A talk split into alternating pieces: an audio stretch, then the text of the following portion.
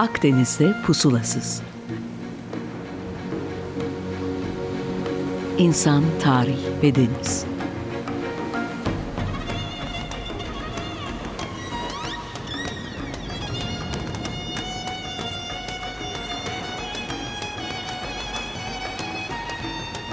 Hazırlayan ve sunan Sidar Duman. 95.0 Açık Radyo'dan herkese merhaba. Ben Sidar Duman. Bu yeni yayın döneminde 56. Akdeniz'de Pusulasız'da karşınızdayım. Ee, çok sevgili bir konuğum, büyüğümüz Işıl Kasapoğlu bugün yanımda. Kendisini tanıtmama gerek olduğunu düşünmüyorum. O da hani biz 56. yayın dönemine başladık. O da 26. İstanbul Tiyatro Festivali'nin küratörü olarak şu anda İstanbul'da bulunuyor. Ee, kendisiyle ilgili bir şey anlatmıyorum. Sözü kendisine bırakıyorum önce hızlıca. Eyvah. evet yani bu yıl e, İstanbul Tiyatro Festivali'nin 26.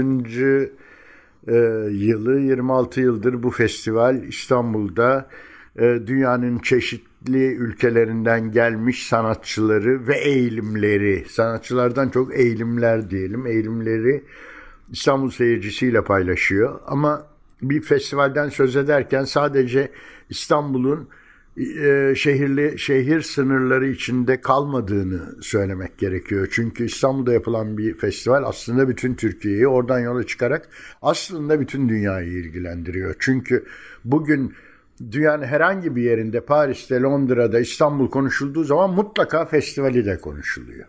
Festival konuşulduğu zaman mutlaka İstanbul'da konuşuluyor. O, o anlamda çok önemli. O anlamda da bu festivalin başından beri neredeyse her konuşmamda işte sponsorların önemini, kamunun, e, belediyenin, devletin bu tür festivallere daha fazla destek olması gerekliliğinden sürekli söz ediyorum. Çünkü kendi ülkemizi tanıtmak ya da kendi ülkemizin Avrupa içinde, dünyanın içinde herhangi bir yere sahip olabilmesi için kültürden daha önemli bir araç yok elimizde. Yani kültür aslında bizim silahımız. Benim silahım da buradan yola çıkarak tiyatro. Tiyatro baktığım zaman e, nedir? Bir, e, Türkiye'de e, yapılan tiyatro ya da yapılması gereken tiyatro var. Bir de dünyadan gelen örnekler. E, bunların ikisinin kapışması, çarpışması var. Ama festivalin daha da ileri gidersek en önemli şeyi rekabet ortamının yaratılmasını sağlamak. En büyük derdimiz Türk tiyatrosunda rekabet ortamımızın olmaması. Kimse kimseyle rekabet etmiyor çünkü rekabet edecek halleri yok. Yani öyle bir kreasyon, öyle bir e, yaratım da e, yapılmıyor. Hani ben daha iyi yaptım öbürü. Bir bakıyoruz tiyatrolar, büyük tiyatrolar ya da şimdi Broadway vari diyeceğimiz tiyatrolar dolmaya başlıyor. Niye? Ama oradaki onların dolması da insanlar gidip metin, tekst seyretmeye gitmiyor hiçbir yere. Sadece dizilerde gördükleri oyuncularla karşılaşmak, birlikte fotoğraf çektirmek. Ondan sonra bir takım sosyal medyalarda bakın ben buradayım diyebilmek için uğraştıkları bir e, alan haline geldi. Bu da ülkemizin gün be gün vasatlığının daha da vasat hale gelmesinin bir sonucu olarak görüyorum. Ya Işıl abi burada tabii yine hain sorular sorduğumu Akdeniz'de pusulasız dinleyicileri biliyor. Sana da yapacağım. Eğer e, Shakespeare zamanında bir İngiliz ya da Molière zamanında bir Fransız olsaydın, bir entelektüel olsaydın, demin yaptığın bu Broadwayleşen tiyatro ile ilgili getirdiğin eleştiriyi veya bir türevini onlara da getirir miydin? Çünkü sanki böyle bir şey sezdim onlarla da alakalı. Doğru mudur? Elbette doğru. Yani onlara da demin ama dediğin gibi türevini getirebilirim. Yani aynı anlamda e, saraya mesela Shakespeare dönemine baktığın zaman kraliçeye e, yaranmadan Shakespeare'in Shakespeare olma ihtimali Mümkün yok. Ya da Molière'in e, bütün bir Fransız aristokrasisinden yararlanmadığını söylemek ihtimali yok. Onlar yani bu tür büyük yazarlarımız da her zaman e, mesenler tarafından desteklenmiş, saray tarafından desteklenmiş insanlar. Ama onların becerisi şuydu. Bütün bu desteklenmelerin içinde dahi muhalif olabilmeyi beceriyorlardı. Yani bir yandan onlarla birlikte göz, gözüküp bir yandan da onları sonuna kadar eleştiriyorlardı. Yani ve muhalif olabildikleri sürece gerçekten sanatçı adlı taşımaya hakları vardı. Muhalif olmadıktan sonra sanatçı adı taşımanın da anlamı yok. Çünkü tiyatroda da başka sanat dallarında da olduğu gibi genelde ikiye ayrılıyor. Bir tanesi kamu, bir tanesi ticari olarak baktığımız zaman. Ticari de hoşça vakit geçirilen tiyatrolar yapılıyor. Yani ya da oyunlar yapılıyor ya da sanat eserleri veriliyor. E hoşça vakit geçirdin yani girdin bir salona iki saat bir şeylerde eğlendin ettin çıkışta yemek yersin eğlenirsin devam edersin bir daha aklına bile gelmez. Ya da ticari olarak sana ne sunulduysa onun aa onun yüzü güzeldi onun bilmem nesi bilmem neydi diye konuşursun ama içerik konuşmazsın. Halbuki kamu diye adlandırılan bugün ama kamu diye adlandırdım. Yoksa genel anlamda bahsettiğim zaman kamu tiyatrosunda da salona seyirci olarak girdiği zaman bir tarafından diğer taraftan çıkarken artık bir parça da olsa yine başka kadar da olsa değişmiş olman gerekiyor. Yani kafanda bir takım sorularla çıkabiliyor olmalısın. Onu Molière'de, Goldoni'de, Shakespeare'de hepsi zamanında bunların çok iyi becerdiler. Yani bu Sovyet devrimi içindeki sanatçılar da Mayakovskiler e, şeyler de bunu becerdi. Daha sonrası da bunu becerdi.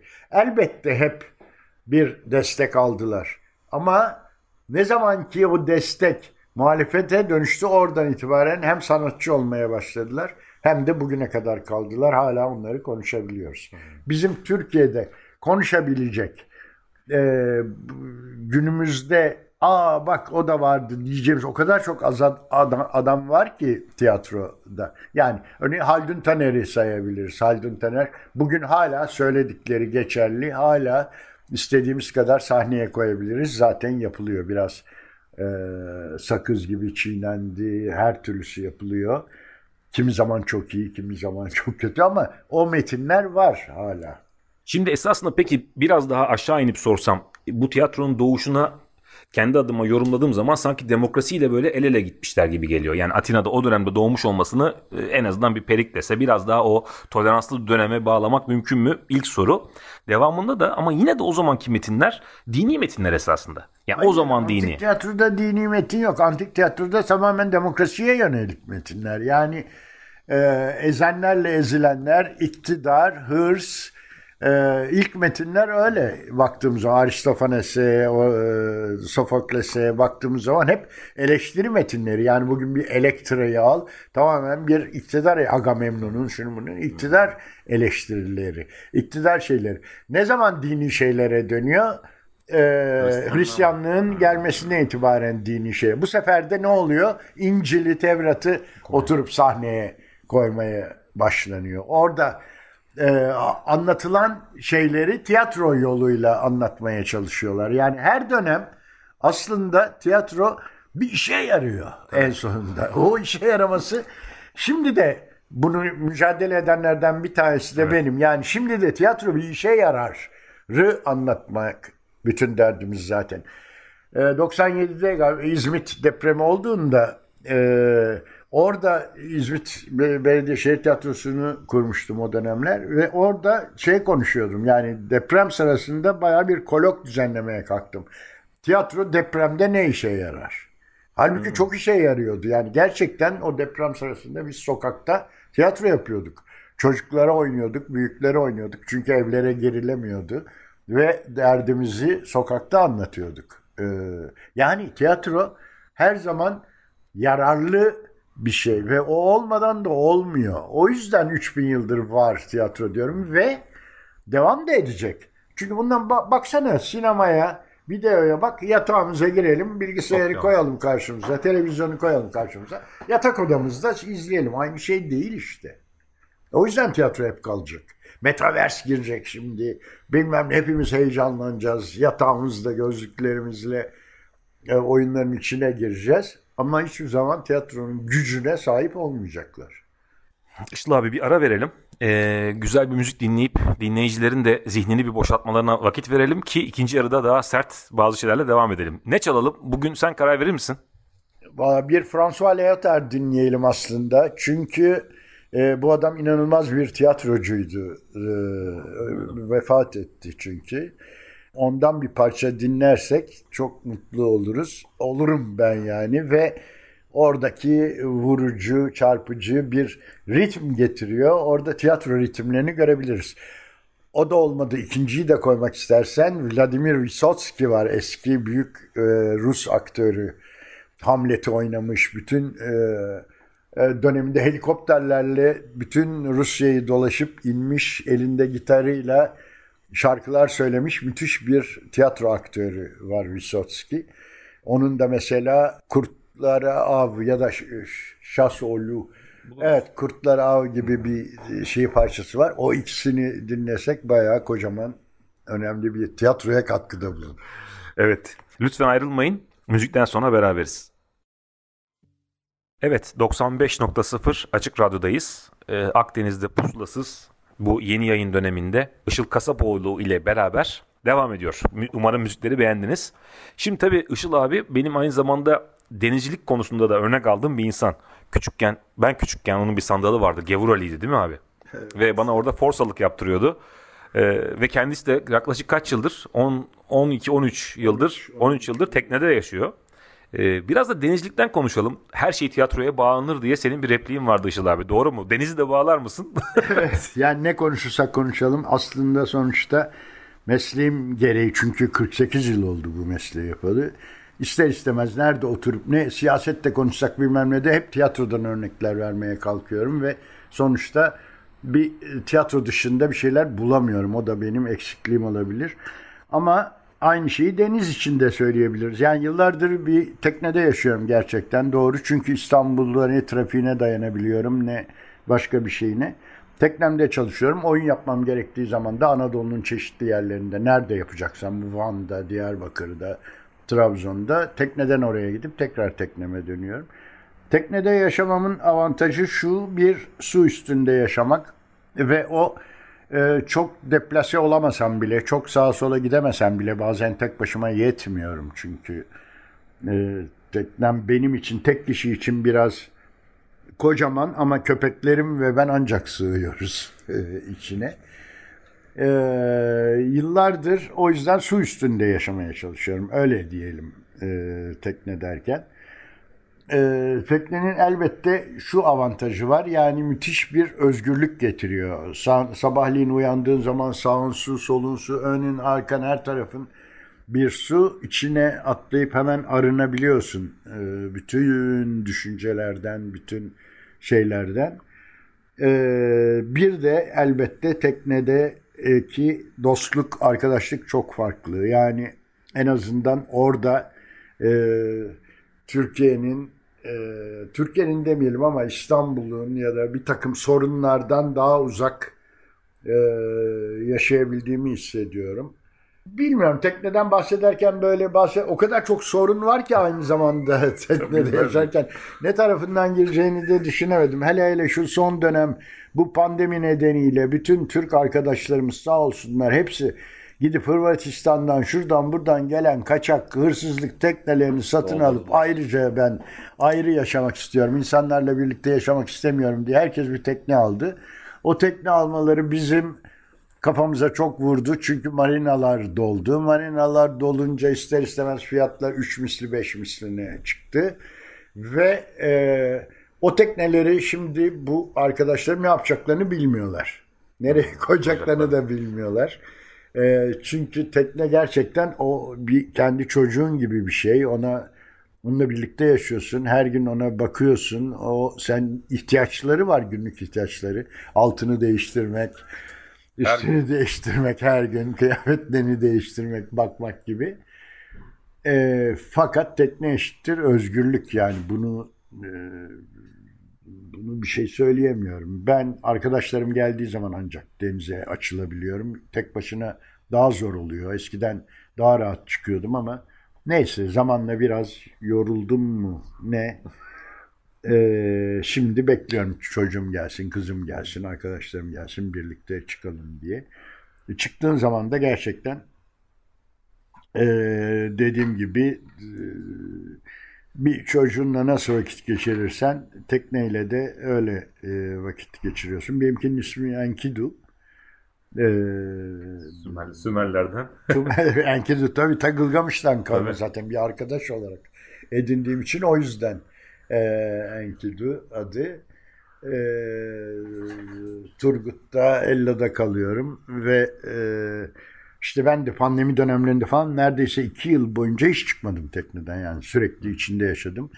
Arada sırada sokağa çıkıp, denize çıkıp daha doğrusu e, biraz yelken yapıp, biraz balık avlayıp, biraz e, rüzgarla arkadaşlık ettikten sonra genelde şeydeyim, Ella'dayım. Ee, bir de olduğun yerlerde dediğim gibi demin arkadaşlık çok önemli. Yani dostların arasında birlikte yaşamak çok önemli. Birlikte bir takım seyahatler yapmak, adalara gitmek, körfezleri dolaşmak. Bi- bilmiyorum tekneciliği tekneciler çok daha iyi anlatır. Ben benimki bir yaşam alanı, benim evim diye baktığım için insan evinden çok bahsedemiyor. Bu kadar. Ya tabii deniz yani force olarak yine gelebilirim her zaman. Işıl abi şöyle diyeceğim tabii o zaman deniz kenarlarına indiysek İzmir. İzmir'de de çok zaman geçirdiğini biliyorum. Doğal olarak Homeros ne kadar etkilendin bilmiyorum şahsen de. Çünkü benim gözümde sen tiyatro yönetmenliğinden de ziyade esasında bir ozansın. Şimdiki yaptığımız konuşma da esasında bunun bir bence kanıt olmuş oluyor. Bu da diğer belki bir şapkan mı kimliğin mi bilmiyorum neyin diyeceğiz. Masken mi olacak? Homeros'tan bahsedince yani anlatmaya dönüyor. Ben de tiyatroda zaten tiyatrocuyum falan demiyorum ya da yönet tiyatro yönetmeni demiyorum. Ben anlatmayı seviyorum diyorum. Ben anlatıcıyım yani. Ee, bir yerlerden duyduklarımı bir yerlere anlatmak ya da kendi düşüncelerimi bir yerlere anlatmak. Bunun içinde tek e, çözümüm, tek yola çıkışım bildiğim şey tiyatro. Yani ben onu tiyatroyla anlatıyorum ama ressam resmiyle anlatıyor. Yazar romanlarıyla, kitaplarıyla, müzisyen de müziğiyle anlatıyor. Ben onu tiyatroyla anlatıyorum. Tiyatroyla anlatabilmek için de gerçekten tiyatroyu her şeyini öğrenmeye çalışıyorum. Neden öğrenmeye çalışıyorum? Çünkü çok gençken beri 70'lerden itibaren baktığın zaman hele sol e, sosyalist gruplarda da baktığın zaman en önemli şey biçimle içerik tartışmasıydı. Hayatımızda Hangisi biçim mi daha önemli, içerik mi daha önemli? Halbuki içerik belli bir kültür birikimi olan insanlarda içerik çok önemli değil çünkü o kültür birikimiyle birlikte gelişmiş bir şey. Ama orada biçimi bulmak lazımdı. Yani nasıl anlatılması gerekir ki daha iyi anlatabilmek. Tiyatroda da bütün çabam bildiğim şeyi yani Homeros'u ya da İlyada'yı nasıl daha iyi anlatabilirim, nasıl daha iyi paylaşabilirim, nasıl seyirciye daha fazla eşlik edebilirim ki birlikte bir parça yol yürüyelim. Bırakayım onları başka seyircileri alayım onlarla birlikte yürümek için. Yani bu bir yolculuk ve eee, bir anlatma. Evet ben bir anlatıcıyım yani eee, tiyatrocu olmanın yanı sıra. Yani doğru hissetmişim küçükten beri demek ki. Ben bunu kafama yazdığıma göre. e, Şöyle bir acaba yine zihni sinir bir soru geldi aklıma. Şimdi konuştuğumuz dönemlere ve senin yaptığın mesleğe bakınca ve diğer sanat dallarıyla kıyaslayınca örneğin resim heykelden örnek verdik veya diğer müzik de dahil bu eserler daha somut elle tutulur ve kazınmışlar. Halbuki mesela Sokrates'e baktığımızda ya da işte Homeros'a baktığımızda bu adamlar tercihen yazmıyor. Ya Homeros zamanında yazı var. Sokrates zaten iyice iyice var. Yazmıyor. Yazdığı an metin ölür, konumuz ölür gibi bir şey yapıyor. Sanki sende de bunu hissediyorum, doğru mu hissediyorum? Bence nereden hissettiysen bilmiyorum. Daha önceki konuşmalarımda belki dinledim. Ben de tiyatroyu yok olduğu için seviyorum yani. Tiyatroyu yapıyorsun, bitiyor ve yok oluyor. Sadece kafalarda bir takım şeyler kalıyor ve insanlar onun 20 yıl sonra nasıl kurguladığı bir şeyler bırakabildiysen yürürken onları hayatlarında nasıl kullandılarsa o önemli benim için de. Yoksa bir tiyatronun filme çekilip sunulması beni hiç ilgilendirmiyor. Yani bir peliküle girsin ondan sonra onu seyredelim hiçbir anlamı yok. Çünkü tiyatro o an yapılan bir şey ve o an yok olan bir şey. O an yapılıyor çünkü o an o seyirciyle aynı havayı soluyorsun e, bir salonun içinde. O hava o gün soğuksa ona göre anlatıyorsun ya da oynuyorsun. O gün bir takım dertler yaşandıysa dışarıda bombalar patlıyorsa bilmem ne akşam başka türlü bir oyun oynuyorsun. Ve o an hep yok oluyor. Yok olduğu için önemli bütün bunlar. Yani e, tiyatronun bence en gerçek, en önemli tarafı da yok olabilmesi. E, ben de onu seviyorum zaten işte. Harika. Yok bu şekilde konuştuğunu bilmiyordum ama demek doğru hissetmişim. Valla bize ayrılan sürenin sonuna geldik inanamıyorum ama ne yapalım bitireceğiz bu durumda artık. Bir son ne diyeceğiz? Yoksa tiyatro Sana sabahlara kadar gidebiliriz. Yani biz de dinleriz zaten. Ama ben çok değişik olduğunu düşünüyorum bu röportajımızın. En azından insanlar farklı bir açıdan tiyatroya bakabilirler. Yani bu ozanlık geleneğinin bitmemiş olduğunu ben belki de kendi adıma anlamış olduğumu burada Evet, eklemem lazım. Doğru. Yani tiyatrocu bir anlatıcıdır aslında. Daha başka bir şey de değildir. Ne öğretmendir ne bir şeydir. Ders vermez, vermemeli daha doğrusu. Tabii bütün bunları söylerken işin e, madalyonun öbür tarafından da bahsetmiyorum. Yani gerçekten bir şeyler öğretmeye çalışmak falan gibi saçma sapan e, yerlere koyan insanlar da var kendilerini. Sanatçılar da diyelim. Yani bu sadece tiyatro alanında değil, diğer alanlarda da oturup ben size şimdi bilmem neyi öğreteceğim. Ben size diş fırçalamayı öğreteceğim. Ben size bilmem. Böyle bir görevi yok e, tiyatronun. Tiyatro anlatır. Ne anlatacağını da kendi birikimi neyse onu anlatır. Başkalarının şeylerini anlatacaksa ona da mutlaka kendi birikimini ekleyerek onu bir helva haline getirip, çorba haline gelip öyle bir sunar e, ve birlikte yürür seyirciyle. Muhteşem. Çok teşekkür ediyoruz. Ve Açık Radyo dinleyicilerine de e, bence çok güzel olmuştur bu program diye umut ediyorum. Yeni yayın döneminde de herkese, bütün programcılara ve Açık Radyo'da başarılar diliyoruz. E, hoşçakalın. Tekrar 15 gün sonra görüşmek üzere. Teşekkür ederim. Kolay gelsin. İyi günler.